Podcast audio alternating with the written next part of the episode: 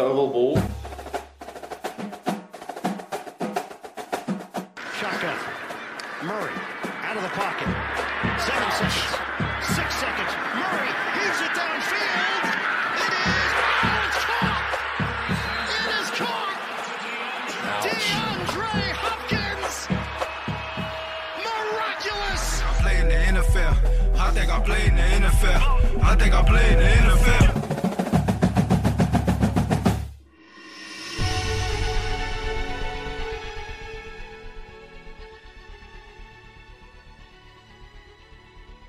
Hjertelig velkommen til Oval ball.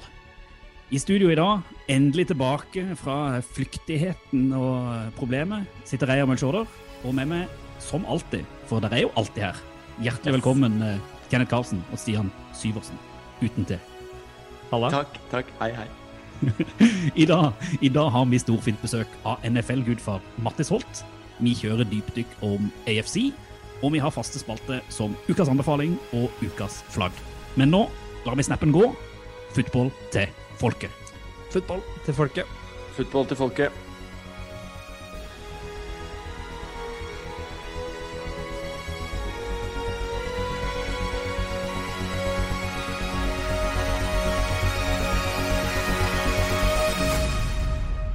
Det er veldig deilig å få lov til å være tilbake her, altså. Etter en, eh, et opphold. Eh, Gutter, godt å se dere, godt å høre dere, og godt å få lov å prate om, eh, om NFL. Hurra, må jeg bare si. Yes. Og apropos hurra, Stian. Du har fått din utrolig velfortjente lærersommerferie. Å, det var godt. Det var godt. Det var nesten like godt som å ha deg tilbake igjen i programlederstolen, sete og mikrofonreier. Så ferie mm, har ikke, Jeg har ikke noe mer. Det er ikke så lenge siden jeg fortalte hva jeg dreiv med, og jeg er ikke så viktig her nå. Det er jo du, For meg så er du hovedretten i dag, greier. Og det er fint. Jeg liker iallfall at jeg kan liksom være like bra som seks ukers ferie. Det, det skal jeg ta med i baklomma. Men eh, før, eh, før hovedretten serveres, Kenneth, hvordan har eh, de siste dagene eh, og, eh, vært siden, siden forrige podd? Har det skjedd mye i Grimstad? Nei, ikke skjedd noen ting. Det har bare vært eh, bursdagsfeiring på bursdagsfeiring på bursdagsfeiring. I går hadde vi den siste, forhåpentligvis, på en stund.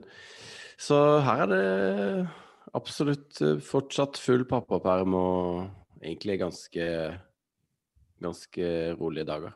Spist Så- pølse hver dag, eller? Ja, litt mye, mye pølser nå. Grilling og Så nå er det, nå er det på tide å tone ned eh, grillmaten og torne opp knekkebrødene igjen. Det er eh, målet for denne uka. Men eh, det, er jo, det er jo ikke så farlig med meg. Reier, hvor var du forrige uke? Altså, hvor har du vært? Åh, det hadde vært så gøy hvis jeg hadde hatt en historie nå om at det, var, det kom, en, kom en ufo som tok meg vekk. Og så måtte jeg liksom måtte jeg møte alle vaksinemotstandere og alle de som liksom lever på denne planeten som ikke vi trodde eksisterte. Cole Beasley? Eh, Ja, blant, blant annet. Nei, det var, det var liksom det var mye enklere enn det. det liksom, vi, vi har jo, har jo hørt eh, liksom, historien om kjøping og salg av hus og nabo og alt sånt, og plutselig så Vi fikk nå endelig solgt denne leiligheten forrige uke etter å liksom, ha rydda ut alt vi eide og jobba med, liksom passa på at ungen ikke skulle ødelegge og sånn. Og så skulle vi sette oss ned og feire at bare nå, endelig, slippe skuldrene ned. Og så kommer lillemann hjem fra barnehagen, snotter renner, nyser litt, er litt sliten, og så bare forkjøla, ordentlig sjuk. Så der har det liksom, Først måtte vi ta koronatest, og så har han ligget og hyla både morgen, kveld og natt og ikke fått sove, tett i nesa, hosta. Sant? du? Også, Du? ja, nei, jeg har heldigvis ikke vært sjuk. Det har lille. Eh, og så- bare sånn For å gjøre det ekstra bra, så innførte han en sånn tradisjon uka før han ble sjuk, at han sto opp klokka fire hver dag. Så eh, forrige, forrige gang jeg hadde podd, så var det rett og slett han var sjuk, jeg hadde ikke sovet. Ah, Jeg hadde ikke sjans. Det var- det var ikke mulighet til det hele tatt. Jeg visste ikke hva jeg skulle prate om en gang i podden. Så, så kontroll av det. Så når jeg, jeg satt og lytta på den etterpå at å ja, de hadde dypdykk om NFC. Ja, interessant. Kult. Det likte jeg. Hva, syns, hva syns du ø, ø, om sendinga her? Hvordan klarte Ikke vi svar. Ikke Nei, Jeg syns det, det er klart det er altfor bra. Så, eh, sånn sett så eh, er jeg iallfall ikke hjernen i denne klubben her. Jeg kan, jeg kan holde styringa, men innholdet, det, innholdsprodusentene de, eh, det skal dere få applaus for. Jeg syns det var strålende. Jeg lærte masse. Jeg det, Så dette kan jeg få til hvis, hvis ting rammer igjen. Så får vi se da hvis en av dere forsvinner, om jeg kan greie å fylle de skoene. Det, det håper jeg vi slipper, i alle fall. Det må jeg bare si. Men nå, nå skal jeg være tilbake. Så skal jeg holde litt kustus på der, og så skal vi få, få kjørt ei sending som er siste sendinga vår før sommerferie. Men jeg tror kanskje, og jeg håper at det kanskje blir den beste sendinga vår noen gang. Tror du ikke det? Jo. Jo. Jeg håper i hvert fall at de som sitter der ute og, og lytter, hvis de, hvis de er enige eller uenige, eh, sjekk ut på eh, sosiale medier. Eh, Ovalballpod, ball pod, både Facebook og Twitter og Instagram. Altså Instagram er kanskje det gøyeste, for der er det mye spennende som skjer eh, fra, fra alle kanter. Eh, og jeg lover dere at hvis dere, følger, så kommer det sikkert en oppdatering fra pølseparty i, i, i Grimstad og lærerferie på Kolbotn. Eller Sofiemyr. Så, så det, det blir bra. Og selvfølgelig, har du sk skryt eller kritikk, send oss en mail på kontakt.ovalball.no. Men nå har jeg prata nok. Nå syns jeg vi skal ta steget og virkelig servere der eh, hovedretten eh, for i dag. Ovalbanen. Fotball til folket. Vi ønsker velkommen til det man nærmest kan kalle en gudfar i det norske NFL-miljøet. Grunnlegger og programleder i det vi antar er Norges lengstlevende NFL-pod, Pikkprekk. Han er sportsjournalist i VG, er fan av kanskje det dårligste og mest kaotiske laget i NFL. Ja, jeg prater om Houston Texans. Og ut fra sosiale medier elsker han sport. All sport. Og apropos sosiale medier. Snoker man litt der, finnes det bevis for en eh, lang mediekarriere i både NRK og TV 2. En ekstremt reiseglad globetrotter som virker til å finne et sportsarrangement hvor enn han reiser, og hvor han også på en av disse reisene ser ut til å ha blitt en god kompis med Matoma, som mange kanskje kjenner som dommer fra The Voice i år. Det er derfor en glede å kunne utvide oval ball til fire småbarnsforeldre i dagens episode, da dagens gjest også har tatt steg inn i barneverden, som vi tre andre i oval ball befinner oss i.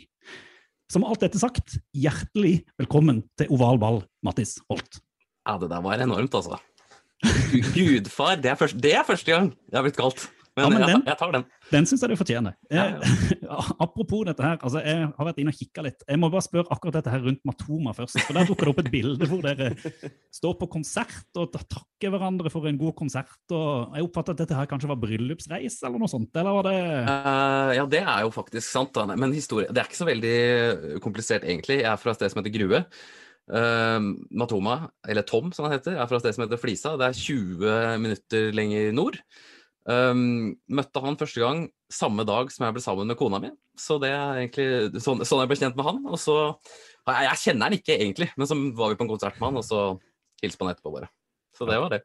Eh, el- ellers var det altså, det var ikke noe som var feil her. Vi er jo, altså, vi er jo litt stolte av å leve liksom der småbarnslivet, og det gjør, gjør jo du òg, å kombinere det med, med sport og NFL. Og vi sliter jo litt med, med tid. Så jeg lurer litt på liksom, Det virker som at du har ganske god altså, du, du har jo enorm oversikt, selv om du sitter nå kanskje i et litt nytt, eh, nytt liv enn det du gjorde tidligere. Ja, men sånn akkurat nå så er jeg i Eller jeg har vært i pappaperm hele, hele perioden, så da har man litt mer tid. Hvis jeg skulle jobba i tillegg, så kjenner jeg at det da kunne det blitt litt tungt å, å følge med på alt som jeg prøver å følge med på. Altså. For det, det er tungt fra før av, så jeg må liksom planlegge og, for å få oversikt der. Men uh, nei, det er en jobb, det, altså. Kjenner du deg igjen, Kenneth? Som òg sitter i pappaperm for tida? Ja, altså Det er jo Får i hvert fall tid til det sånn når hun sover, da. Så lager jeg kjøreplan eller skriver litt på det vi skal snakke om og, og sånn, sånn at vi liksom eh, kommer i gang. Og så er det jo Stian som nå har jo fire måneder ferie, eller hva det er, da, som selvfølgelig skal ta over den stafettpinnen nå når vi, når vi kommer videre. Er du ikke enig, Stian? Eller? Du, du, hodet, sitter her, ja, du sitter her og sier at du har god tid. Du sitter jo den der messenger-chatten som vi er. Alt, det, alt du skriver, jeg har ikke tid til noen ting. Jeg rekker ikke noe. Det, det, det går. Men hva gjør jeg akkurat nå, da? Nå driver jeg draft- og forsvarsspillere i en uh, ny sånn uh, fantasy-liga vi havna oppi. Så eh, man må jo Multitasking. man vil. ja. Uh, vi, vi spurte jo på Twitter uh, at, Eller vi nevnte at du skulle komme, komme som gjest. Og da er det jo en av en du kjenner ganske godt, Hedley, på Twitter, som, eh, som, som hadde et spørsmål om du ofte blir forveksla med en av NFLs beste chain movers og slot receivers, og da Hunter Renfro, som da han la ut et bilde. Og det er jo en viss likhet der, det må jeg bare si. Altså, var, vi, vi har jo de to jeg spiller inn på med, Odin og, og Christian. Første gang jeg møtte Christian, så sa han at du er Hunter Renfro, du. Det var det var første han sa til meg. Så, og jeg, jeg jo jeg ser det jo, egentlig. Eh, Det går på vikene, og det er ikke så synlig nå, kanskje, men, men hvis jeg er litt kortklipt, så er jeg kliss lik, jeg vet det. Så eh, det, det, altså jeg synes den, er, den er god. Den skal, ha, den skal Hedley ha. ha Har du, har du steg òg, Mattis, eller er det Ja, jeg, jeg, jeg kan gjerne prøve. Jeg har vært på to treninger som wide receiver for Lillestrøm Starfighters. Det holdt. Det, jeg orka ikke mer. Men jeg kanskje kunne vært en eh, norsk Hunter Renfro, kanskje. Ja. Kunne det. Eh, Men litt, litt sånn seriøst, for det, du, dere har holdt holdt på med pikkpreik eh, en god stund. Men altså, hvor, hvor kommer denne NFL-interessen fra? Det lurer vi jo på med alle som, som eh, dukker opp her. Altså, vår er jo relativt ny. Din vil jeg jo tro har vært der ganske lenge. Eh, Går det an å si noe litt om hvor den, hvor den kommer fra? Jeg har vel egentlig konkret akkurat den kampen hvor jeg ble bitt. Jeg hadde jo sett noen Superbowls og litt sånne ting før det, men i oppveksten og sånn så var amerikansk fotball en sånn det, det likte vi ikke, for det, var fotball som var greia. og Amerikansk fotball var liksom Rugby amerikansk fotball det var det samme, og det var litt for røft. liksom. Det var sånn de, de skumle gutta i skolegården holdt på med. Uh, men akkurat Det var en kamp i 2012.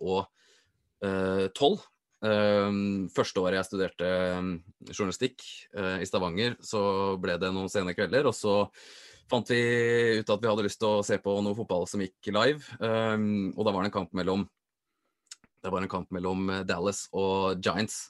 Um, og så drev vi og betta fælt på det tidspunktet der, så jeg tok jo rett og slett bare Jeg skulle vinne penger på den kampen her, Uh, og jeg tror uh, Giants leda med sånn Altså 25 poeng eller et eller annet sånt. De ha- hadde e- sikkert 1,20 i odds på å vinne.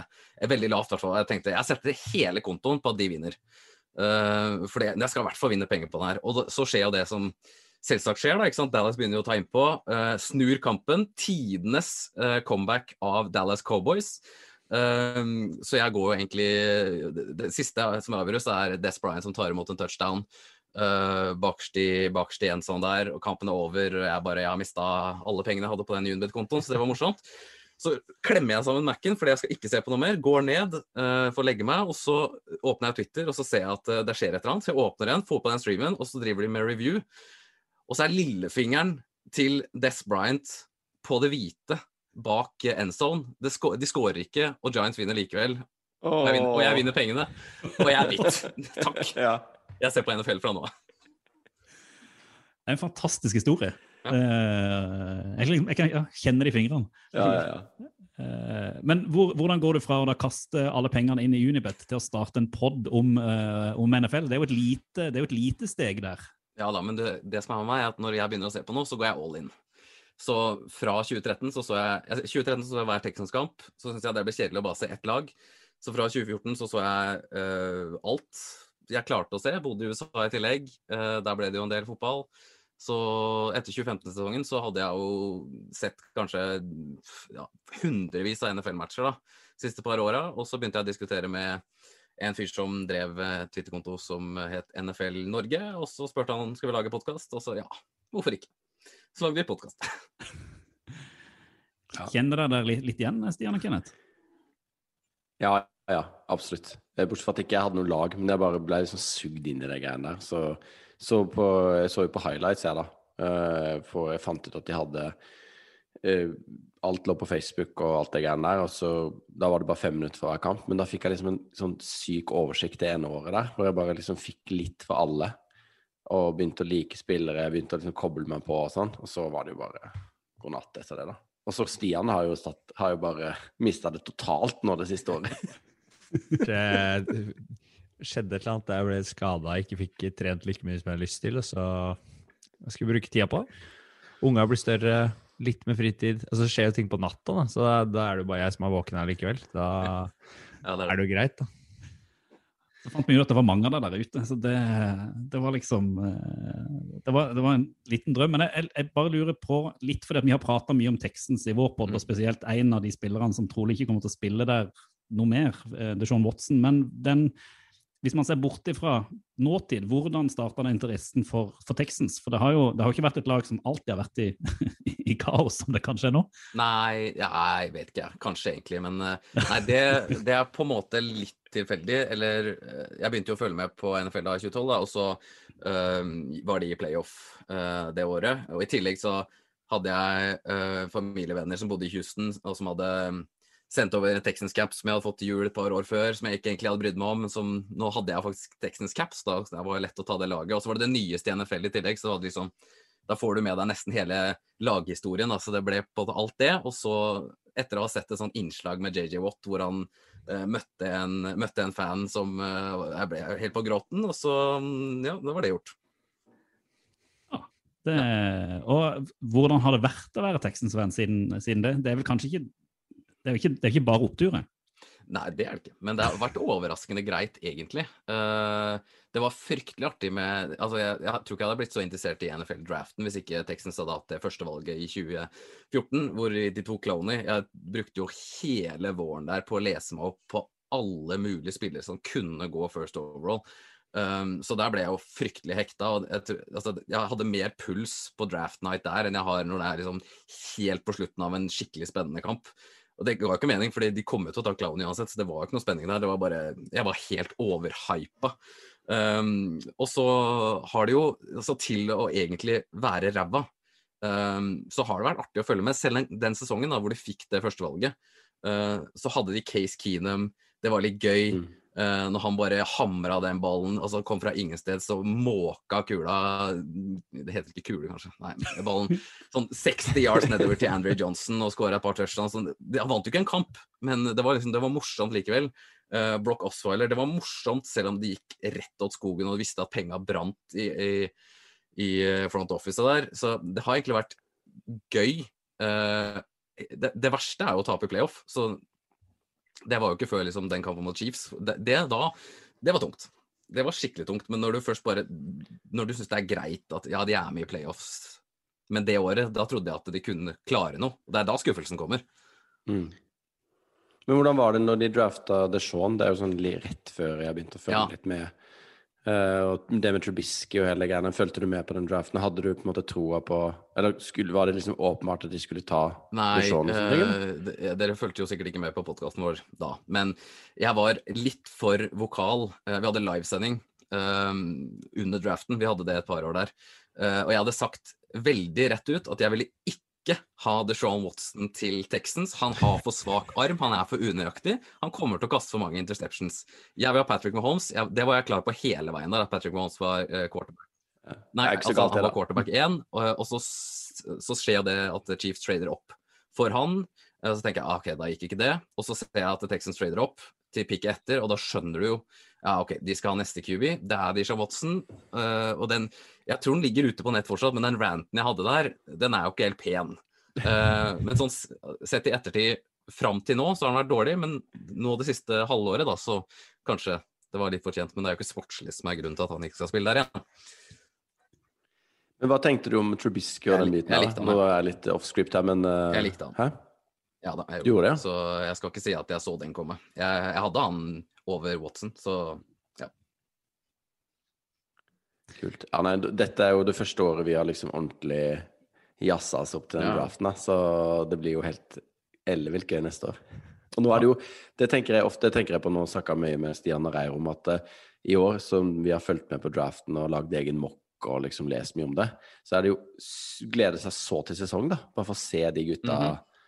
Uh, spille, da. Det er jo det som er det morsomste. Altså, det gjør jo preseason 70 ganger bedre. Uh, mm. Og det er egentlig det jeg har egentlig vært bitt på draften helt siden jeg begynte å følge med. Og det, det er jo det du har lyst til å se week one, week two. Du vil jo se de nye spillerne. Så mm. jeg er helt enig i det. det. Det drar deg gjennom sommeren, altså.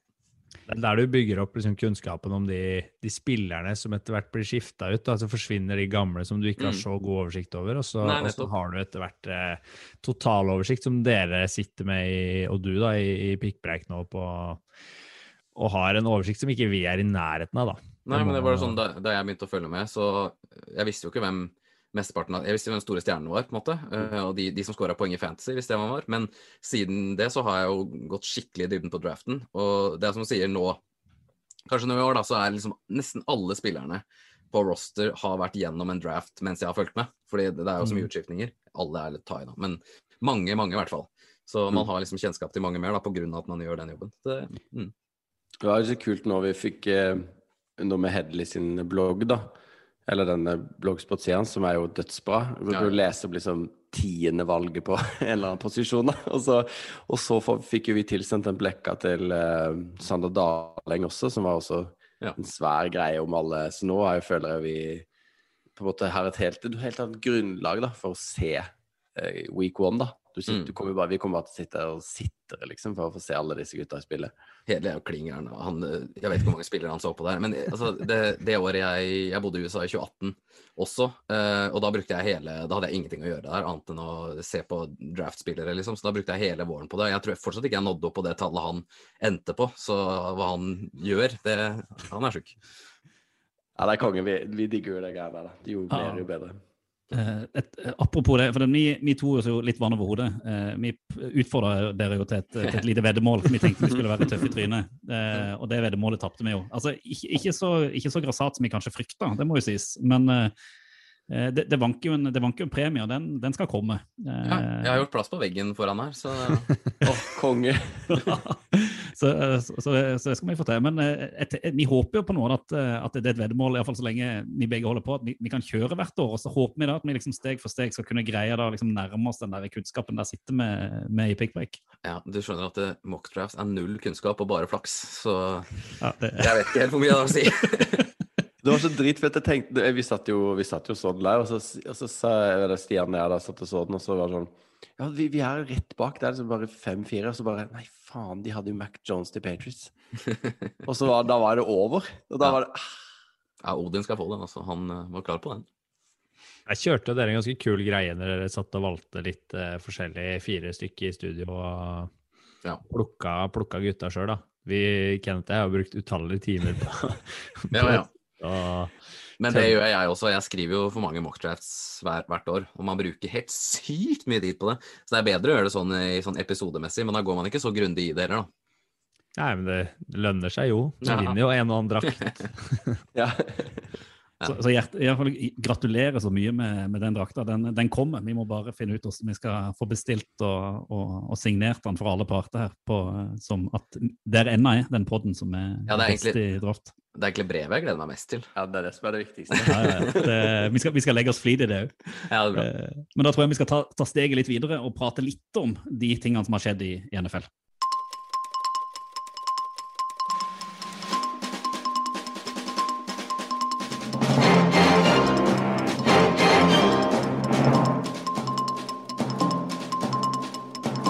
For i dag er jo en av de dagene hvor det plutselig dukker opp NFL-nyheter andre steder enn i de lukka sosiale forumene. Det har vært på VG, det har vært på NRK, det har vært på TV 2. Det har liksom vært overalt. Og det er kanskje ikke så rart, fordi at uh, Raiders uh, Karl Nasib har i dag rett og slett, altså, Jeg skal ikke si han har kommet ut av, sk- av skapet, men han har i hvert fall sagt at han, eh, han er homofil. og Han er jo da den første uh, kjente spilleren i NFL som har kommet ut med det budskapet, og har jo da gått ut og han ga vel 100 000 dollar til nå husker jeg ikke hvilken organisasjon eh, for å forebygge da selvmord og, og sånn eh, blant eh, ungdom med altså LGBTQ-ungdom. Eh, og det er jo en ganske stor nyhet. Eh, du, er jo, du er jo journalist, Mattis, men dette er jo en nyhet som, som favner ganske mye bredere enn bare liksom, NFL-miljøet i, i Norge. Og absolutt. Det her er jo en verdensnyhet. Eh, vi venter jo på første liksom, store vanlige fotballspiller også. Det, det fins jo, jo egentlig ingen. Eh, så eh, altså, Karl Nasib er jo en relativt eh, kjent spiller også. Og så liker jeg at det, er, at det er en forsvarsspiller også som gjør det. En litt sånn en macho type. Eh, ikke, at, ikke, en, liksom, ikke en spinkle receiver, liksom, men en, en sånn macho forsvarsspiller som Karl Mm. Som bare smasher quarterbacker for a living, liksom. Jeg, jeg syns det er kult. Og så var det den måten han gjorde det på, som bare sånn Hey guys! Sånn Den videoen. Mm. Utrolig tøft. Og han har jo fått eh, veldig mye hyllest da, fra, fra både medspillere og trenere og NFL og commissioner og klubben sin. Han har ikke jeg vært inne og sett på så mye sånn kommentarfelt, det er sikkert mye dritt der, men det virker jo som at, eh, at eh, det blir tatt imot veldig bra da, så langt. Så, så det er jo spennende å følge. Men det er jo utrolig tøft gjort å være den første. Altså. Det er som du sier, Mattis. da. Vi har jo ikke hatt eh, så veldig mange som har kommet ut i fotballen. Så det er jo ganske mye større idrett. som Man skulle jo tro at det var Mm. flere der. Det, er for et par, det begynner å bli, bli mange år siden, men vi hadde jo han uh, Michael Sam eh, som ble drafta. Som, som var jo åpen homofil da han ble drafta, men han ble aldri noen Han slo jo aldri gjennom, han spilte jo nesten ikke i NFL. Uh, men så det at eh, en spiller som Nasib kan gjøre det Jeg, jeg tror, eh, eller jeg blir skuffa hvis ikke det åpner for at flere gjør det samme, da. Eh, jeg, jeg tror jo de fleste Altså, de, de, de som kjenner han, eller de som altså, NFL-spillere de tenker jo at han kan ikke stå der alene, liksom. Jeg tenker det er mange som kjenner på den. At uh, ja, nå må faktisk jeg følge etter, fordi Mm. eh, Hvorfor skal ikke jeg når han gjorde det? Uh, så jeg, jeg håper at det, at det kommer til å spre seg i NFL, og jeg håper at det også kan spre seg videre til andre idretter. For det, det er på tide. Ja, det er helt, helt enig. Jeg tenker jo, For det første så er det jo det er stort at han står frem og gjør det. Og det er på høy tid. da. Eh, jeg tenker på hva med resten? Mm. Og så tenker jeg også på at det er så langt utafor egentlig at det må få oppmerksomhet i 2021. At hvilken seksuell legning du har, skal ha noe å si for hvem du er. da. Vi diskuterte det her med legning for, eh, for eh, noen episoder siden, og, og det er fortsatt liksom der at man blir, eh, man blir sett ned på for å være glad i en hvilken som helst annen person. da. Og jeg merker at det gjør meg ganske forbanna, egentlig. Eh, så på, følger man fotball-EM nå, så får man jo forbud mot å sykt. eh, på å egentlig, hva skal vi si, hylle pride. Det Eh, er, det er en viss ironi at det skjer litt på samme dag Mhm. Ja. som Karl Nasib eh, får hylles for det han gjør, da. Jeg synes det, det, det er som å ta liksom, ti, å og hoppe litt 10-20 år tilbake i tid. Jeg, Det henger ikke på greip, da. Nei, Og at ikke flere kan stå opp og liksom endelig innse at uh, verden har kommet så langt og kommet, uh, kommet til det stedet hvor ikke det skal ha noe å si. Kan ikke folk bare slappe av, la folk eh, være glad i den de har lyst til, og, og Mm. la verden gå? Det er jo som Nasib sier i den videoen, at uh, om et par år så håper han at disse videoene ikke, er, ikke er nødvendig, fordi det er så vanlig. Uh, men det er jo ikke det, og det det det han sier, da, at han håper at det skal få etterfølgelse av andre også. Og ja, vi får se. Jeg håper virkelig, altså Det er all, all ære iallfall til å være den, den Mm. første å gå ut, uh, gå ut sånn. Og så håper jeg han blir tatt imot det når han da skal ut Ja, og ja. spille. Og at ikke du, du har jo et konservativt uh, publikum som uh, Ja. Er litt spent på å se reaksjonene der òg, at ikke det på en måte blir, blir brukt i, imot. Men jeg tenker at han står så sterkt nå uansett at det, det skal ganske mye til for å Jeg, tenk, jeg tenker det viktigste um, egentlig er jo alle de ikke bare ikke high school, men kanskje enda lenger ned. Da, sånn unge, unge spillere som ser at en fyr som Karl Nasib, som jeg nevnte, som er skikkelig macho, som er skikkelig booster, liksom, kan, kan gjøre det. Da kan jeg gjøre det også. Sånn at eh, spillere ikke trenger å komme ut av skapet når de kommer til NFL, men kan gjøre det ganske mye tidligere. da. Eh, og ikke tenke at eh, amerikanske fotballspillere ikke kan gjøre det. For det har han et bevis på at eh, man ikke trenger å være. Ja, eller det å, det å komme ut av skape skal ikke være noe greie. Nei, det det skal ikke, det Det skal ikke være noe poeng. Det skal bare være det samme, liksom. En ting til vi må prate kort om, eh, Kenneth, og jeg sier bare Frank Clark. Eh, Ja. kan, kan, kan, ikke du, kan ikke du fortelle kort eh, hva, hva skjedde med eller hva har skjedd med Frank Clark? Nei, altså vi, um, vi tenkte jo egentlig at vi skulle droppe hele nyhetsinnslaget i dag, fordi vi hadde jo pod for bare et par dager siden. Det skjer jo ikke så mye offseason. Og så fikk vi jo Karl Nasib, og så, i dag eller i går eller hva det var, så var jo, ble jo Frank Clark stoppa med en Uzi, tror jeg, i Lamborghinien da, på veien. Jeg har spilt nok Eh, eh, COD til å vite hva det er. Det, det er sjukt. Ja, i hvert fall en, et automatvåpen. Jeg, mente, eller jeg tror jeg leste et sted at det var en Uzi, altså. Det er jo ganske fett, da. Eller ikke fett i det hele tatt, på, på, egentlig, men eh, utrolig spesielt, egentlig. Og, så jeg Hva vet ikke hva som med det? der, altså. Nei, hva skal han med den? Ja, hva skal han med den? Skal vi på drive med litt sånn avansert leirdueskyting? Ja, de, de gjør mye det i USA. Nei, i hvert fall. Eh, så det er, jo, det er jo Det kan jo få potensielt ganske kraftig følger, det, da. Eh, og han er jo en viktig spiller for dem. Så jeg vet ikke. Det er jo noe vi må følge videre, da. Det er jo noe å følge med på i sommer, det òg. Det er godt at vi har, eh, har noe av det. Eh, hva skjer med usinn til Frank? ja, det følger tungen i ovalball. Men jeg tror vi skal legge nyhetene bak, og så tar vi og, og stikker hodet ned i, i AFC-dypdykket etter en kort liten pause.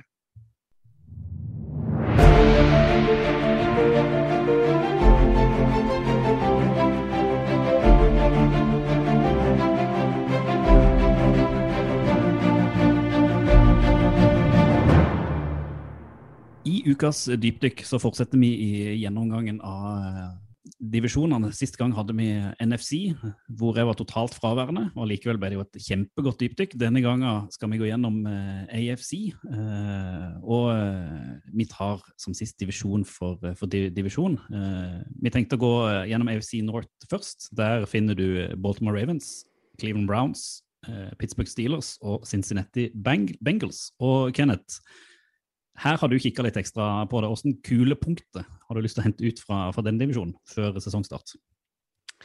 Eh, en av de jevneste divisjonene i hele NFL, i hvert fall på papiret. Eh, og utrolig mye spennende i divisjonen. Det er jo kjempemange kule spillere. Eh, mange kule lag. Eh, et av mine favorittlag, eh, Cleveland Browns, er med. Kan begynne å snakke om de, da. Eh, Browns er jo draft day og alt det greiene der. Mattis er sikkert ikke så gira på den filmen, fordi han er mer sånn Jo, jo, jo. jo. hardcore enn oss. Jeg, jeg elsker. Klassefilm. Ja, ja, det er sånn Det er det beste Ja. Og de flyr inn i Baltimore, nei, i Cleveland der. Men uansett, eh, kanskje vi begynner med Browns. Jeg, jeg tenker laget med en av de mest imponerende offseasonene eh, til nå, da. Eh, Signa inn masse bra spillere. John Johnson, Troy Hill og Mattis sin favoritt, Clowny, eh, også. Eh, fikk inn Greg Newsom og Osu Koramoa i draften i de første to rundene, som eh, ble også sett på som veldig, veldig bra, eh, bra picks. Eh, det er liksom ro i Cleveland nå, da. Andrew Berry som er GM, for mye praise. Eh, Stefanski, treneren. Eh, Odell Beckham er tilbake fra skade. Baker Mayfield skal få ny kontrakt. Altså, det, altså det, det gledes. Jeg gleder meg så til å se Browns i år. Um, og ja, jeg bare har skikkelig troa på dem, selv om de spiller i en divisjon hvor også Baltimore Ravens er, eh, med på en måte Lamar Jackson og Ja, det, det seriøst bra laget Ravens er, da. De er jo liksom gode på alle, alle posisjoner, vil jeg si. Um, så har jeg veldig troa på, på Browns, da. Um, jeg vet ikke hva dere tenker. Og så er det jo de to andre lagene er jo litt mer sånn kom si kom sa akkurat nå. Og det er jo rart å tenke på at Steelers kanskje ikke liksom er Du tenker liksom ikke at de skal nå playoff engang, fordi Big Ben er såpass på hell, da. Men eh, så har jo ikke Tomlin hatt en losing season, tror jeg. Så hvorfor skal det skje nå? Det er jo ikke noe, det er ikke noe sånn umiddelbar grunn til det. Og så er det jo Bengals da med Joey Burrow som er tilbake, og Chase og alt det spennende som skjer der. Så det er en veldig artig divisjon, syns jeg, da. Sånn, bare apropos Twitter, vi fikk jo et spørsmål til det òg der, eh, Mattis fra Sander Darling, eh, som òg da un understrekte Jeg vil tippe at du kan ha litt troa på, på Cleveland Browns, hvor han da lurte på hvorfor Cleveland Browns er selvskrevne i AFC Championship eh, neste januar. Så er det et hint om at du har litt troa på Browns til, til neste sesong? Vi nevnte jo filmen, Ja. Day, men jeg har jo hatt troa på Browns hvert år etter den filmen. Fordi, spesielt, og spesielt det året hvor de drafta Johnny Mansell, og det var liksom money sign på, på scenen.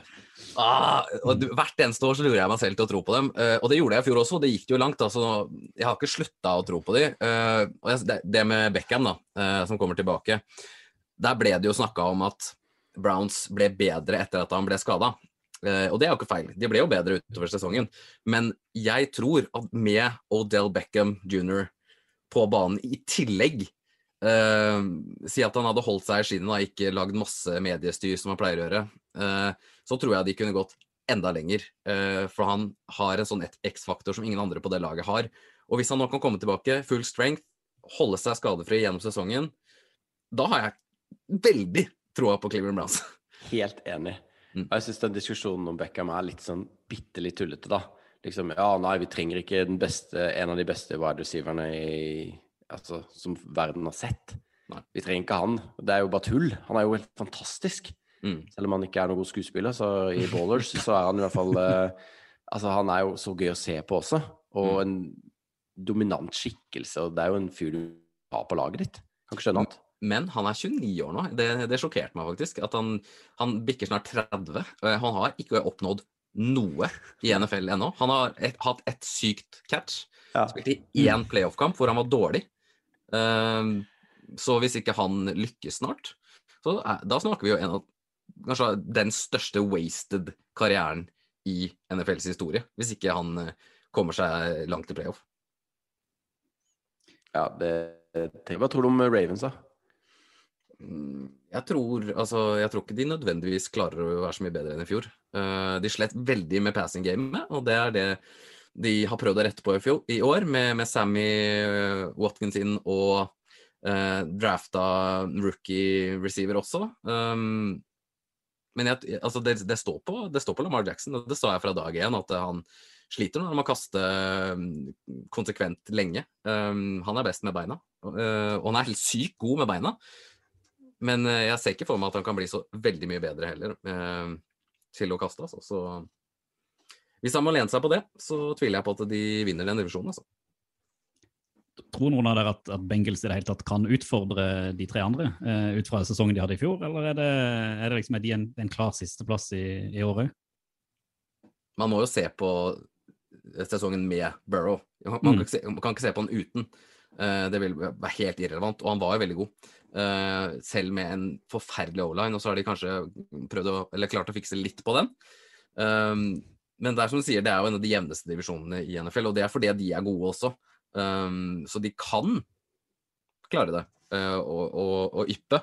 Men, uh, og, og det hand, alt handler om å vinne de kampene mot lagene i divisjonen, og der kan alt skje. Så jeg, jeg, jeg utelukker ikke at de kan også vinne divisjonen. De, altså, de kan vinne, vinne en hjemmekamp hver mot de tre lagene, uh, og da er de jo helt der oppe. Jeg er litt så spent på han treneren, han Zack Taylor, altså. Ja. Føles litt som om uh, ikke verden har så troa på han. Uh, men, men han har jo ikke hatt noe sånn fullt lag å jobbe med ennå, ikke sant. Så det er jo vanskelig å vurdere det også. Men, Nei, men det, er, uh, det er nok et litt sånn uh, make or break year for han. Altså. Hvis ikke, Ja, det hvis ikke lykkes med han nå, så ser de seg nok om etter en ny en. ja.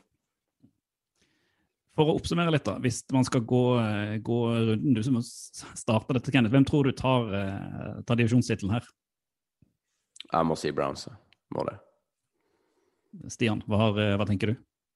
Jeg syns jo den, alle fire lagene har jo en sånn Det blir en kul quarterback-duell å følge, tenker jeg først og fremst på.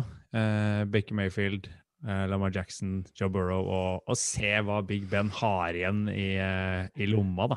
Om han klarer å hoste opp noe som helst sesongen som kommer, eller om han blir stående og kaste raskt og, og kort, som han eh, gjorde tidligvis i fjor. Um, men jeg tror eh, Baltimore kommer til å trekke det lengste strået her. Jeg tror de er ganske revansjesugne og endte vel ikke sesongen sånn spesielt bra i fjor, når Lamar måtte ut med hjernerystelse og, og de egentlig ikke hadde noe å stille opp med når han måtte ut. Så jeg har veldig troa på, på Ravens.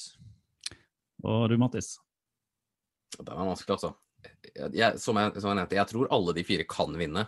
Eh, hvis jeg skal si et lag, så sier jeg Browns. For jeg, tror de er, de er det mest komplette laget.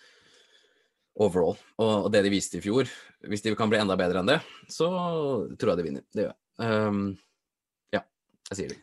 Det er bra. Da støtter jeg meg til flertallet. Jeg er helt enig. Magen min sier Browns, og da sier hodet mitt òg. Så da, da har vi- 3-1 til, til Browns for, til den divisjonen. Eh, da går vi videre til AFC South. Eh, der finner vi eh, ditt favorittlag, selvfølgelig, Mattis. Houston Texans, uh, Indianapolis Colts, Jacksonville Jaguars og Tennessee Titans. Og her har du fått ansvaret til å forberede noen, noen takes på denne divisjonen. Hva, hva tenker du om uh, AFC South til kommende sesong? Jeg tenker at eh, det er jo en divisjon som blir ledd, av til vanligvis. Uh, I hvert fall hvis du går sånn fem-ti år tilbake i tid, så har det vært sånn her helt irrelevant divisjon. Det har vært Andrew Lucks division, liksom. Det har vært, det har vært Colts som skulle vinne hvert eneste år, og så har Texans blanda seg litt inn. Og så hadde du det ene året til Jags, og så det ene året til Titans. Uh, men nå, bortsett fra Houston, hvis vi bare tar de vekk, så de tre andre, de kan vinne. Um, eh, de, er, de er veldig konkurransedyktige alle tre. Du har nye Jags uh, med Trevor Lawrence, Urban Meyer og Team Tebow. Uh, Få se hvor lenge det holder, da. Jeg bare måtte, måtte slenge navnet. Uh, Han må med. ja. men men uh, Urban Meyer, der er jo det store spørsmålstegnet. Vi har sett mange, mange eksempler på eh, gode college-trenere som ikke klarer å få det til i NFL. eh, som College-trenere som har sånn litt sitt system, da, som det Urban har. Um, Chip Kelly var en liksom lik type, selv om ikke han var på like høyt nivå eh, som Urban Meyer. Så det gikk jo rett til helvete at han prøvde å ta med den college-biten inn i NFL. Um, så får vi se da om, om Urban Meyer kan implementere det bedre. Jeg tror at han kanskje har mer erfaring og bedre, bedre forutsetninger enn Chip Kelly til å klare det. Um, så Jags er med i kampen, i hvert fall med, med Trevor Lawrence eh, bak spakene. Og så har du Carsons Redemption i Indianapolis, eh, som connecter med Frank Reich igjen, eh, hvor han var MVP-kandidat med han i Eagles. Um, og jeg har troa på, på at uh, han kan dra frem noe av det samme igjen. men han er ikke helt det samme fysisk som han var den 2016-17-sesongen, så vi får se.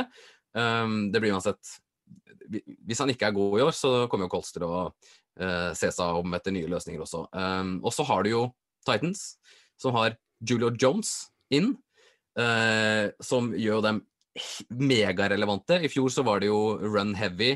Uh, altså Selv AJ Brown må kalles run heavy, fordi når han får ballen, så bare løper han gjennom folk.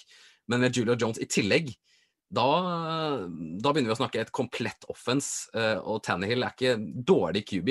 Så hvis de kan få det til å stemme, og hvis de kan virkelig liksom fyre av, så snakker vi jo kanskje NFLs beste offense um, utover sesongen. Så det er jo kjempespennende. Og så er Husen ræva.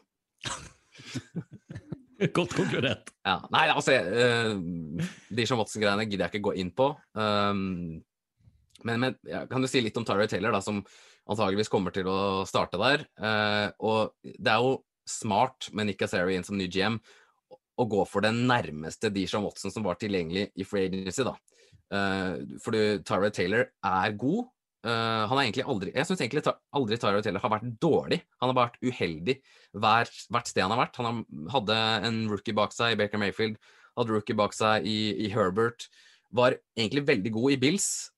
tok de til playoff der. Så jeg har litt troa på Tyler Taylor, at han kan vise fram uten Altså, Mills som Texans drafta er ikke en så stor utfordring som de andre gutta var, de- andre stedene han var. Så hvis han, han kan få litt ro på seg, ikke få en nål i, i lungen den gangen her, så kanskje han kan spille litt og, og være helt der. For ellers så er jo JJ Watt er borte, selvsagt, det er tungt, men uh, ellers så er jo laget ganske likt. Mm. Eh, Jeg må jo bare støtte det. Jeg husker jo Tyler Taylor i Bills var, var strålende. Så der har man jo liksom et lite håp i alle fall på at det kan, eh, kan eh, gå. Vi er jo, ja, vi, altså, vi skal jo ikke nekte for at vi er jo veldig begeistra for Julio Jones i, i Titans og ser jo for oss at det kan bli et meget severdig fenomen nesten i, til sesongen. Men uh, Kenneth og, og Stian, hva, hva tenker dere om Mattis sin analyse? Vanskelig å kritisere den. eh, men, men jeg tenker først og fremst på Titans som et uh, solid utførerlag. Ja, nå. Uh, når de får, og om de klarer å holde den angrepsrekka skadefri. Ja. Den er jo sårbar for, eh, sant. for, uh, for skader, sånn som man ser ut. Uh, Julio Jones eh, gir jo det lille ekstra til, eh, til eh, løperrekka og, og mottakerangrepet. Eh, så tenker jeg også på at Carson Wentz skal han bli takla i stykker sesongen som kommer? Det, ja, det tenker jeg også. Jeg, jeg kan ikke se at, at, ikke, at sesongen skal bli annerledes for han nå eh, enn det var i fjor. Så Colts har jeg ikke troa på. De har jo NFLs beste guard, da, eh, i Quentin Nelson på, Ja, på laget.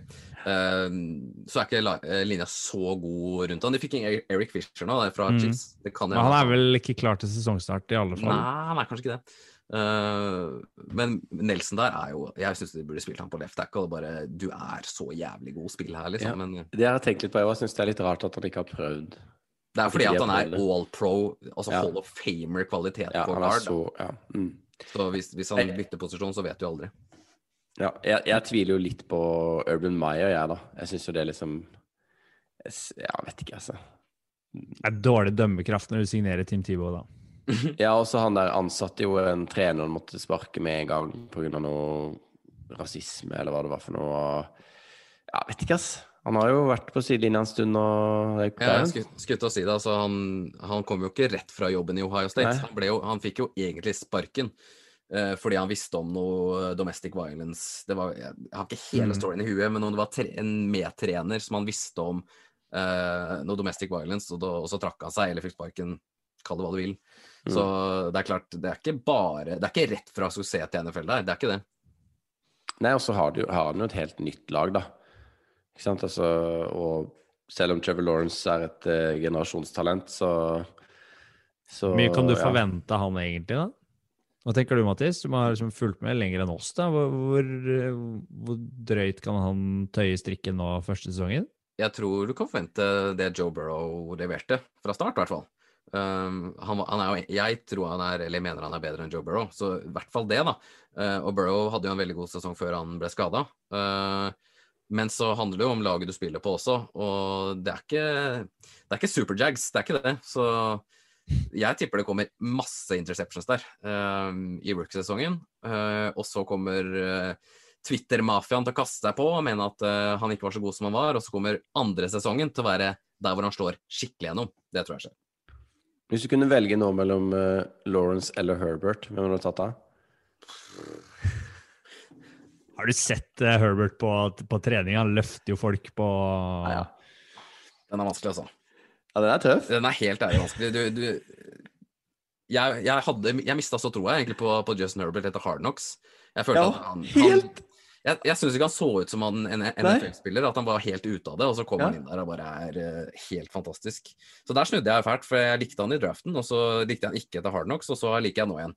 Så mm, Har du sett den, eh, den videoen han er, som han har lagt ut på Instagram, hvor han tar sånne hamstring-bøy? hvor han lener seg framover, mens eh, Keenan Allen tror jeg skal holde den igjen på, på beina. ja, nei. Og han ender opp med å løfte Keenan Allen bak. Med leggene. ikke holde igjen. Ja, ja. Ja. Jeg, har- jeg, Herbert er jo inn Jeg kommer vi inn på etterpå, kanskje, men Ja, jeg tror jeg hadde tatt Herbert, altså. Men, eh, men Lawrence ser jo helt vill ut, da. Så det blir jo utrolig gøy. Det er jo også litt eh, eh, litt kult med denne divisjonen, som du sier, da. At eh, den har liksom vært veldig sånn ensidig, kanskje. Og så nå er det, nå er det helt åpent. eh, og ja. spennende. Litt sånn som i fjor, da var den også helt åpen, egentlig. Apropos helt åpent, da legger jeg døm, dømminga på det først, Mattis. Hvem tror du topper divisjonen når, når eh, regular season er over? Tennessee Titans. De har det mest komplette laget. Det, men som du sier, da, én skade. Hvis Derrick Henry blir skada, så er det noe helt annet. Da, da, da har de ikke sjans. De må ha Derrick Henry. Uh, og så vet kanskje folk hvor mye jeg liker Derrick Henry, men, Ja. men han er jo MVP-kandidat. Det, ja, ja. det laget uten Derrick Henry er kjedelig. Altså, Vi elsker Derrick Henry, så jeg støtter deg totalt på den eh, tanken med Titans på topp. Kenneth, hva tror du? Ja, jeg tror Titans gjør det, altså. Jeg gjør det, altså. Det, mm, det blir gøy å se, å se de spille. Så det er jo litt sånn forsvarsmessig på de, da. De var jo ikke akkurat uh, veldig gode til å nå motstanderens quarterback i fjor, f.eks. Nei, der er det Så, godt. så de, de er jo avhengig av å skåre mye poeng ofte, da. Så, men det, da blir det ofte gøye kamper. Det liker vi. Det liker vi. Stian, har du troa på Titans død, eller har du en, eh, en outsider? Wentz. Han hadde jeg ikke satt penga på. Uh, hadde jeg heller uh, stola på Davis Mills, tror jeg. Uff. Men uh, Nei, jeg, jeg må si Titans. De ser utrolig spennende ut. Uh, det, det er et lag man kan følge nøye med på og sikkert kose seg gjennom kommende sesong. Altså. Ovalbanen. Fotball til folket. Da står vi i AFC East, som eh, består av New England Patriots, New York Jets, Buffalo Bills og Miami, Miami Dolphins. Og her eh, har du òg, Kenneth, tatt på deg brillene og dykka ned i materialet. Hva eh, tenker du om AFC East når sesongen nå snart i, i september? Her er det så mye, ass. Før var jo dette bare Patriots ferdig i ti år. Men eh, nå er det jo Bills som er det favorittlaget.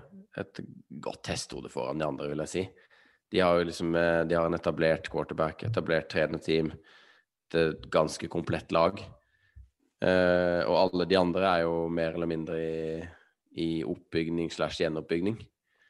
Ehm, så, så Men for all del en veldig åpen divisjon også, vil jeg si. Jeg klarer liksom ikke helt å ha troa på Bills, da.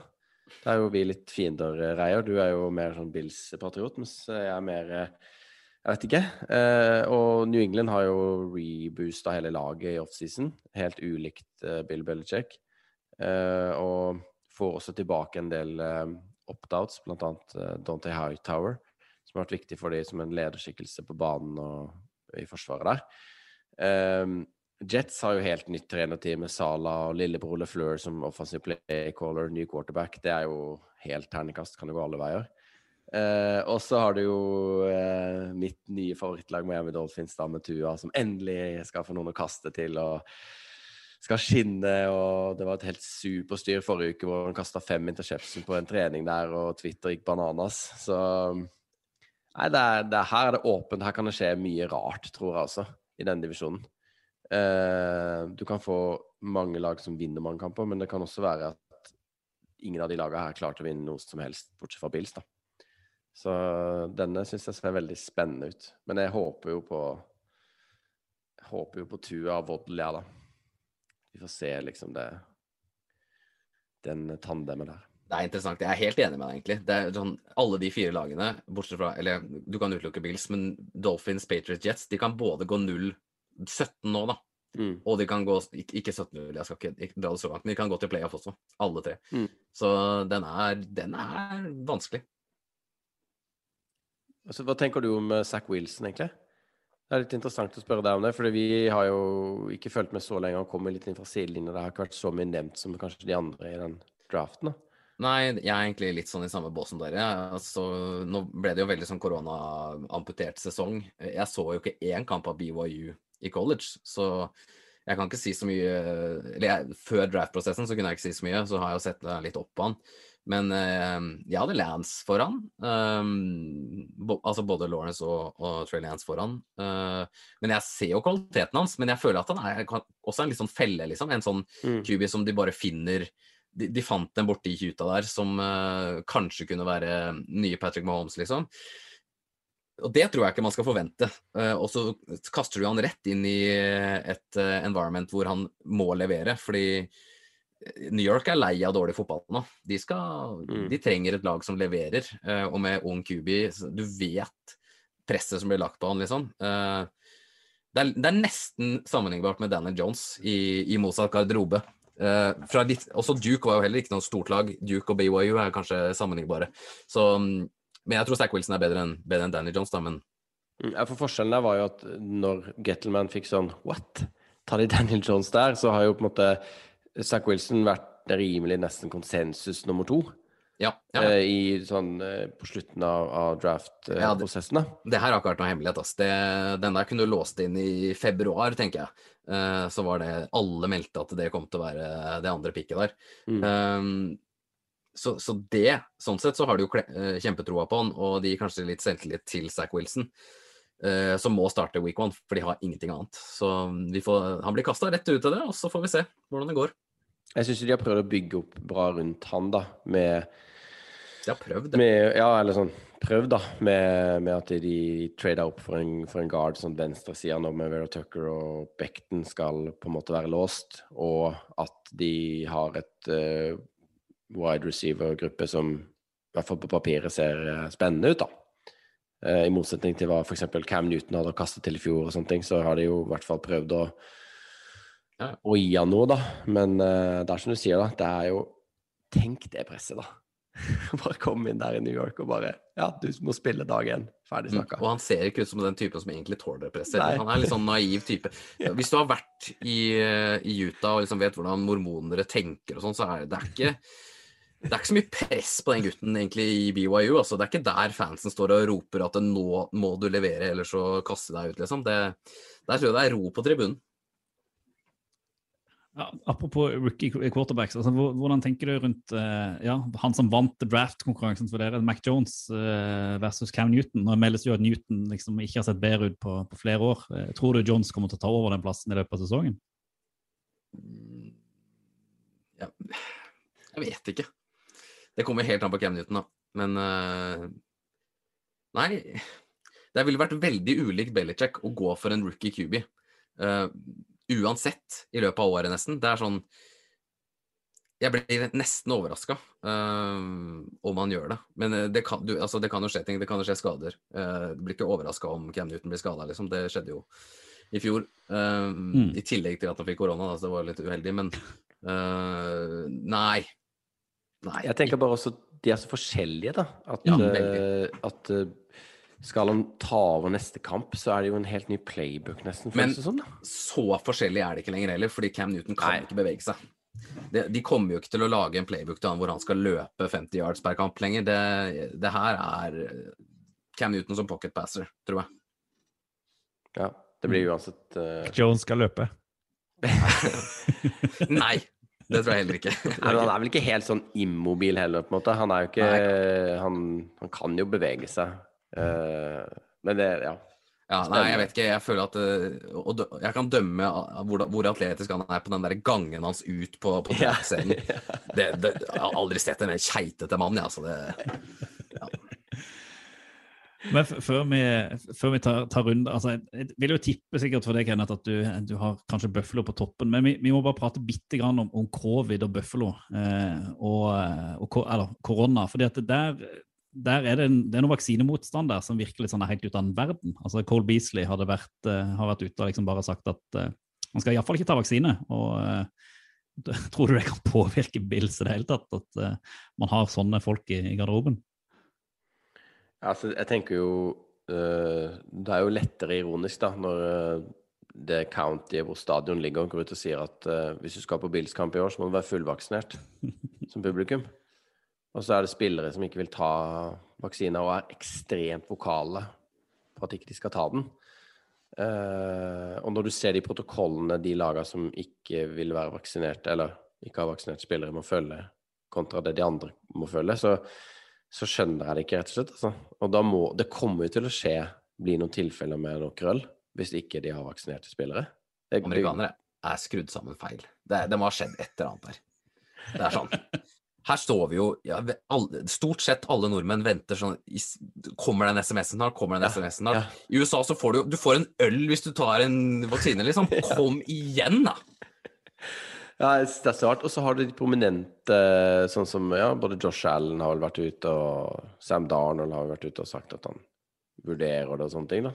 Og så har du apparatene i resten av USA som pusher vaksine for Ja, som du sier, da. Du får en Kom og ta vaksine.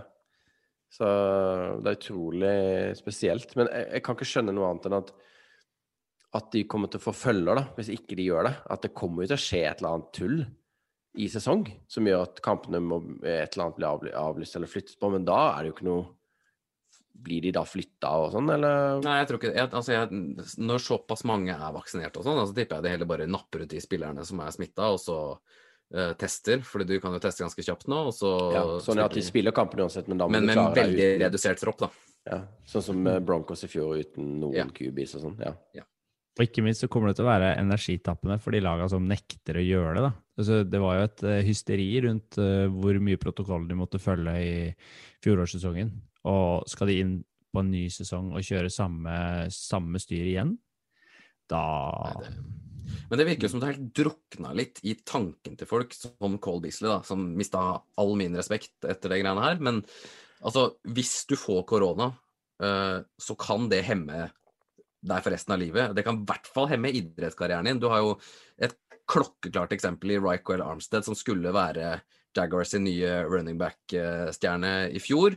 Fikk korona, sykehusinnlagt to ganger, kommer antageligvis ikke til å spille igjen. Eh, fordi han har fått det der som de kaller langkorona, hvor du bare symptomene henger i for resten av livet. eh, og gjør at en idrettskarriere er, er umulig. Så skjønner jeg at Cole, Cole Beasley, som er 31 eller hva han er, kanskje ikke bryr seg så mye om det. Men at han skal stå der og si til yngre spillere at eh, dere trenger heller ikke ta Fordi altså De må tenke litt, da. Du ødelegger karrieren din, kanskje.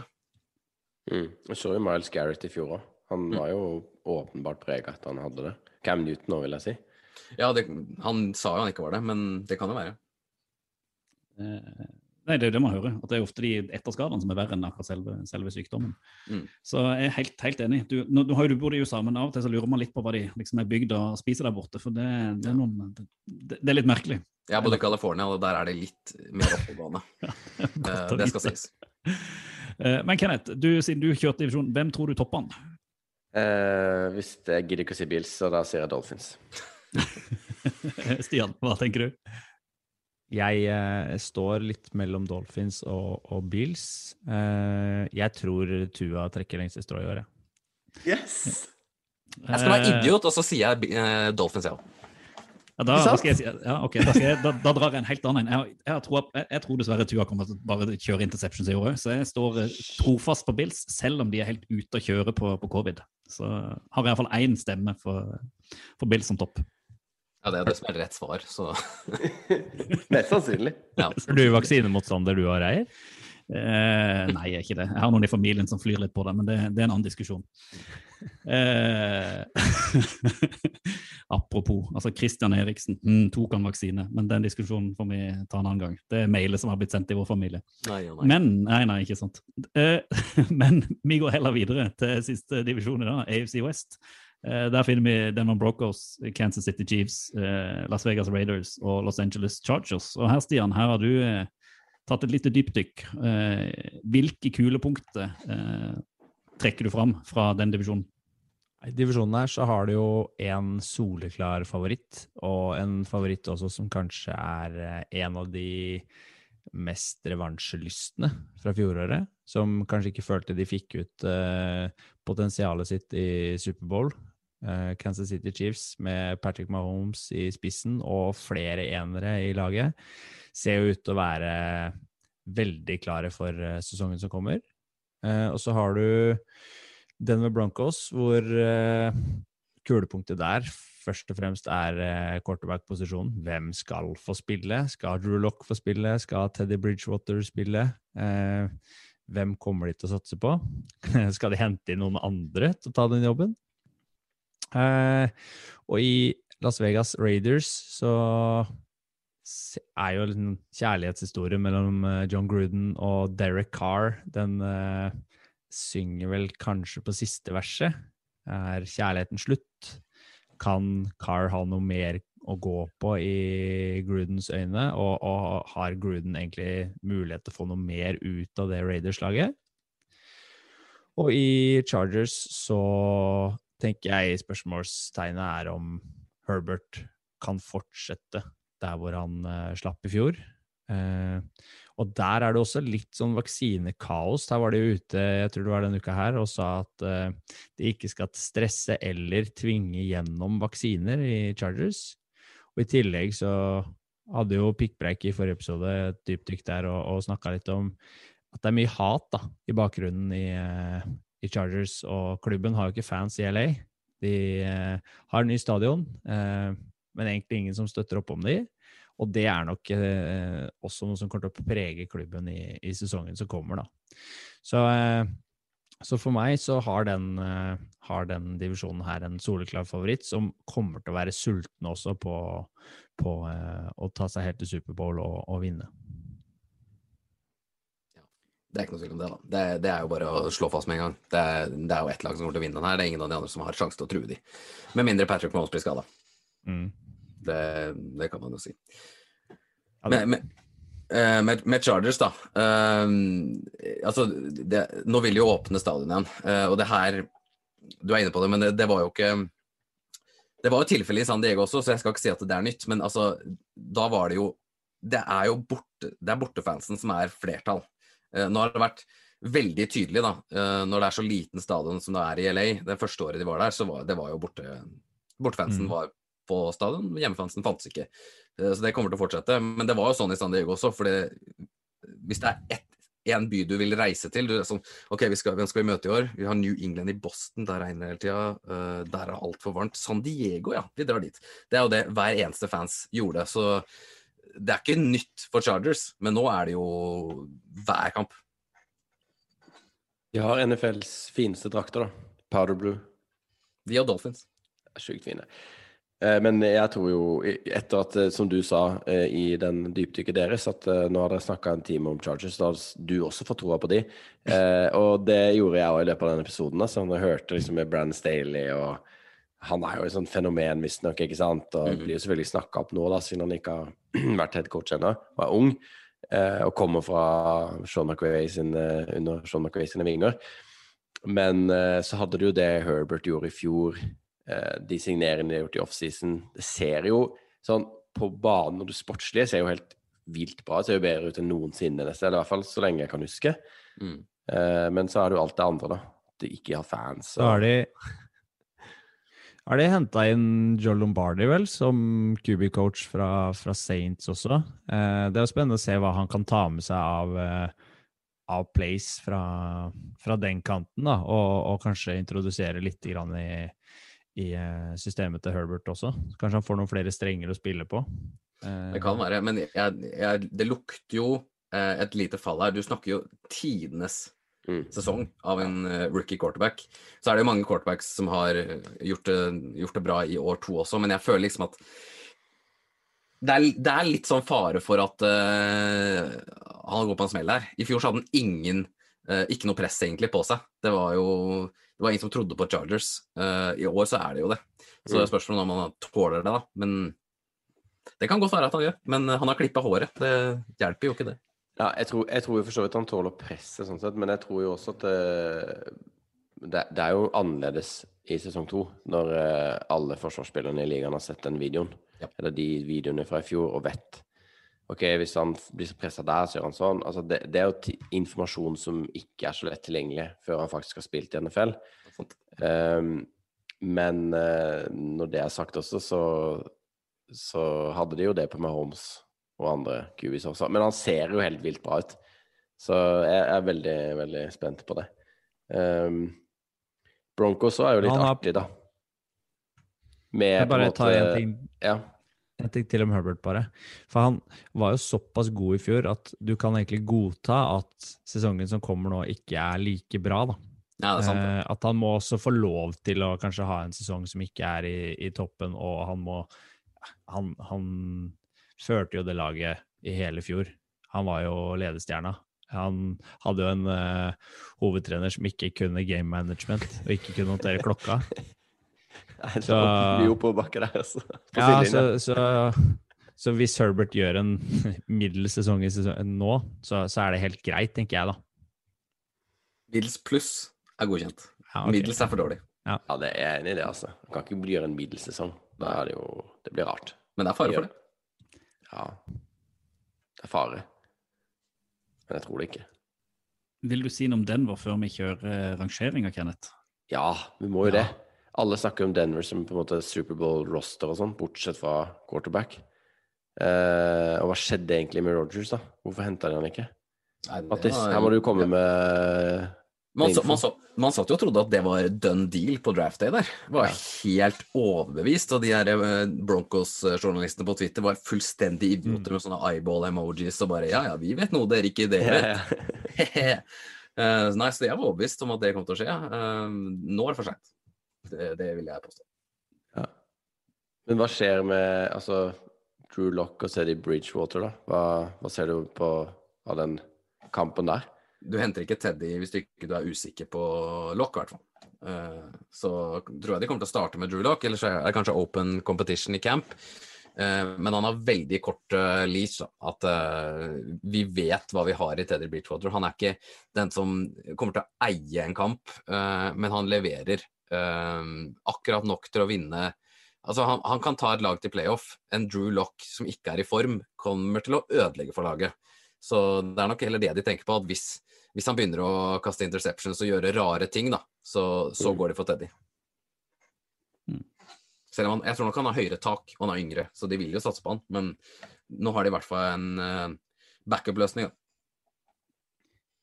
Nå skulle jeg liksom be dere rangere, men er det litt sånn at alle bare sier Kansas City Chiefs, og så er vi ferdig med førsteplassen i divisjonen her? Det er riktig. Ja. F. Ja, Raiders er morsomt, da. Jeg elsker Las Vegas, så, men eh, nei. Nei. De, de tar ikke chips. Vi kan kose oss med Darren Waller uansett, da. Det er klart du kan det, hvis man har han på Fantasy, som jeg har det i alle ligaer. Jeg, prøver, jeg prøver, har trada så mye for Darren Waller at eh, dere aner ikke. Det er koselig. Hva med Ruggs, da? Tar han steg i år, eller Mattis? Hadde du troa på han i fjor? Jeg syns det var rart at han gikk først. Nei, jeg hadde ikke så troa på han. Jeg hadde, eller jeg hadde troa på han, men ikke mer enn enn CD Lamb, for eksempel. Eller Jerry Nei. Judy. Nei. Mm, eller Justin Jefferson. Kanskje jeg hadde han i det sjiktet der. Men uh, han har jo, kan jo absolutt ta steg. Men jeg er litt skuffa over at han ikke tok større steg i år én, da, med den farten han har. Det er jo det som pleier å gjøre at du kan eksplodere fra dag én. Eh, for det, teknikk og sånn, det kommer jo etter hvert. Men har du farten, så kan du prestere med en gang. Og det gjorde han ikke, så Litt vanskelig å si. Jeg, liker, jeg har mer troa på Brian Edwards, han andre receiveren her. Som også var rookie, men skuffa også i fjor, da.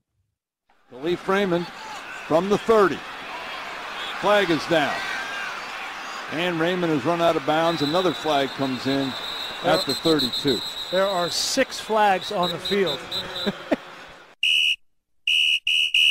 I denne ukas ukas flagg har vi da ikke henta inn en svenske, som vi pleier, men vi har rett og slett overlatt eh, spalten til, til det, Mattis. Og, og jeg er litt spent, da, for du, du nevnte før vi starta at dette her eh, skulle være noe som kanskje ikke holdt seg helt innenfor rammene. Eh, og vi er ikke så veldig opptatt av rammer, men jeg er veldig spent på hvilken flagg du har tatt med inn her i dag. Nei, jeg, for jeg, jeg kommer jo på i ettertid her at det er jo ikke en regel, det her. Det er jo egentlig et, et, et slags type play. Men jeg tenkte at det, det får gå, da. For det, det, det går i ett med en regel. Så da, da går jeg for det. Og er, det er et type play som på en måte som krydrer NFL, da, som, som, som gjør at jeg syns det er litt morsommere.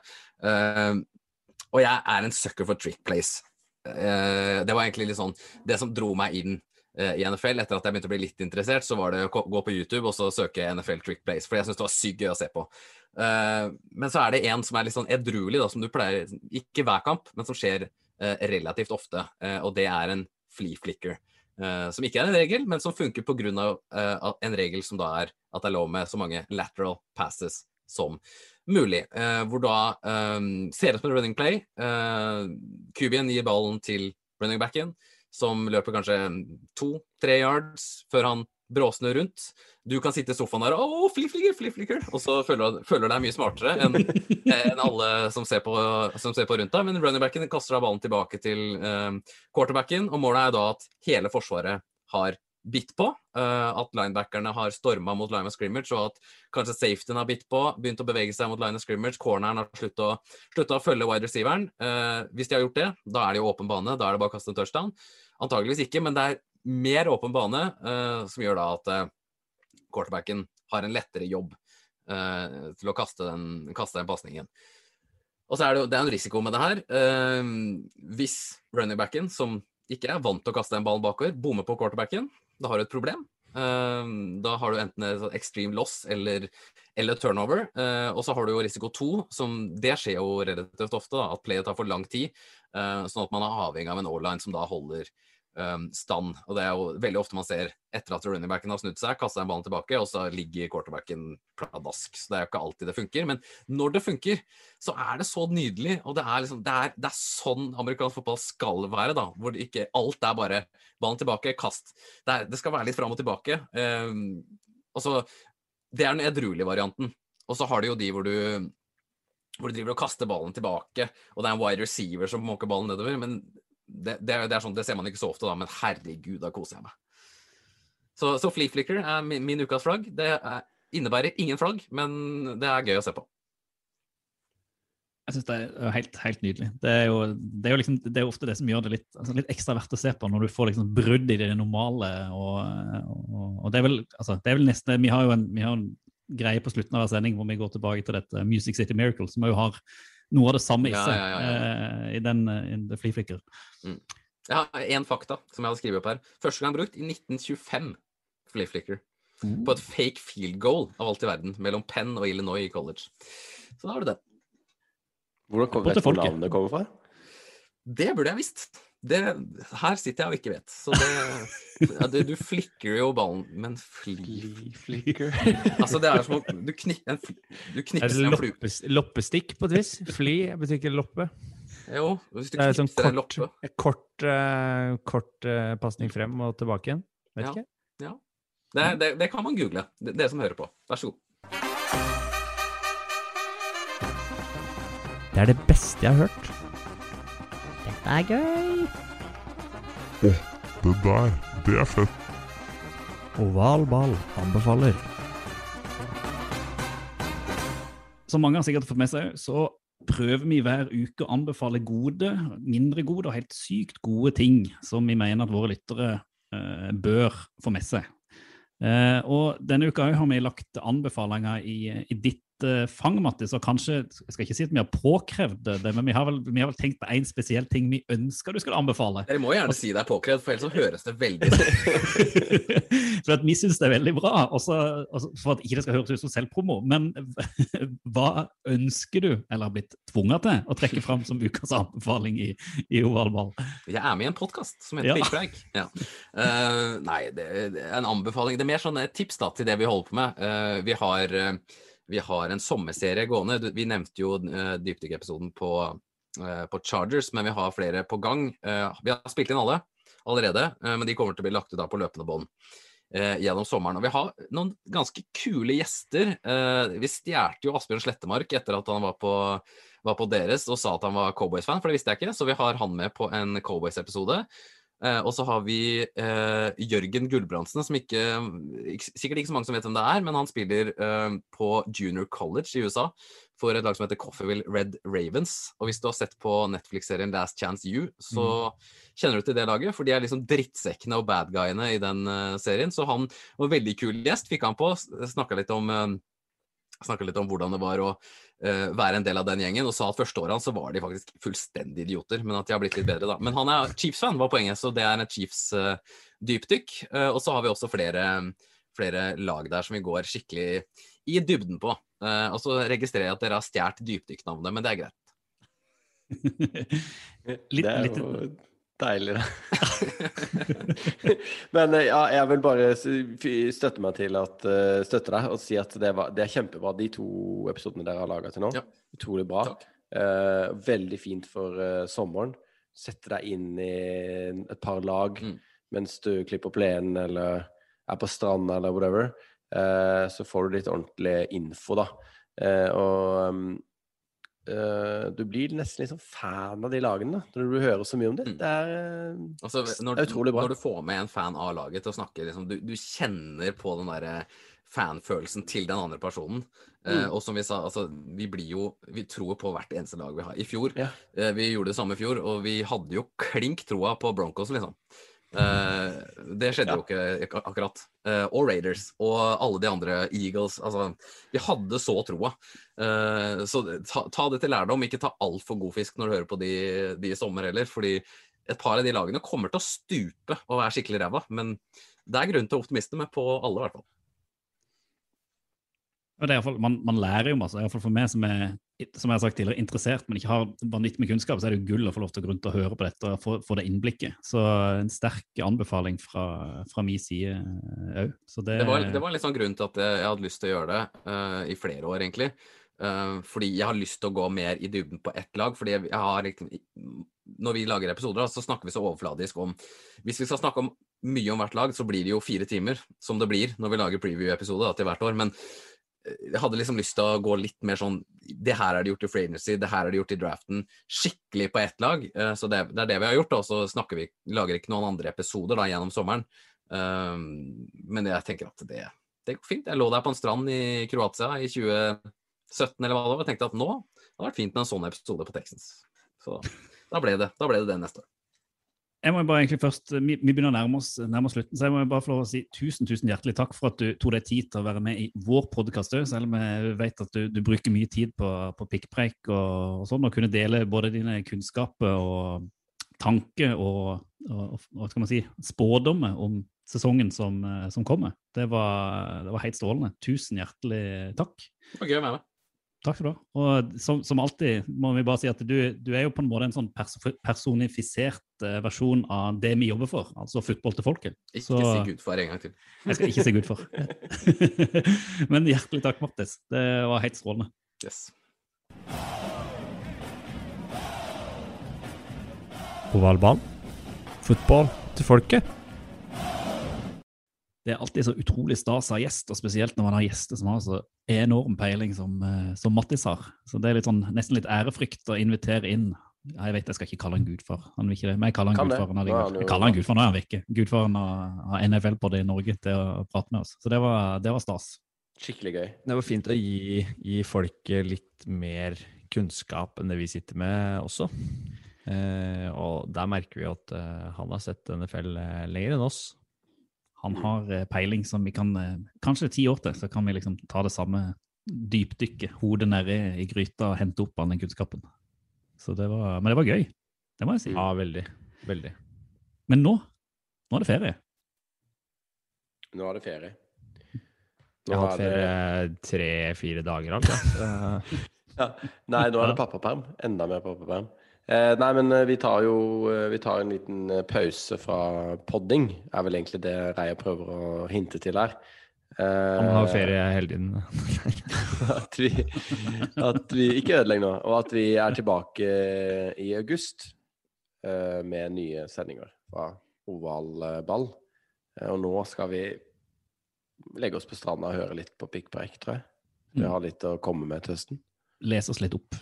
Eh, og så skal vi si da at vi, vi har jo sosiale medier, eh, Facebook og Twitter og Instagram. Der skal du ikke se bort ifra at det dukker opp både kanskje litt kyllinger og litt Ja. eh, husoppussing og gjerder og kanskje litt sørlandssommer og sånn. Men eh, poddinga tror jeg nok vi drøyer til, til august. Kan jo hende det skjer noe på nettsida òg. Hvis Det vi får kan ordne oss. Plutselig en artikkel. Mm. Mm. Det er nok uh, sannsynlig at det skjer, faktisk. Og vet dere hva? Når vi da returnerer, så er det nesten sesong, Tenk det.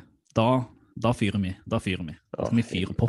Jeg gleder meg så mye. Men, men da er det, er det god sommer til folket, da, eller? Det er jo det. det er fotball til folket. football Fotball til folket. Fotball til folket. fotball til folket. Do the Titans have a miracle left in them in what has been a magical season to this point? If they do, they need it now. Christie kicks it high and short. Going to be fielded by Lorenzo Neal at the 25. Yeah, it Pitches to- it, back to Wycheck. He throws it across the field to Dyson. He's got something. 30, He's got something. 50. He's got it. 40, He's got it. 20, 10. He's got it. End zone. Touchdown Titans. There are no flags on the field. It's a miracle. Tennessee has pulled a miracle.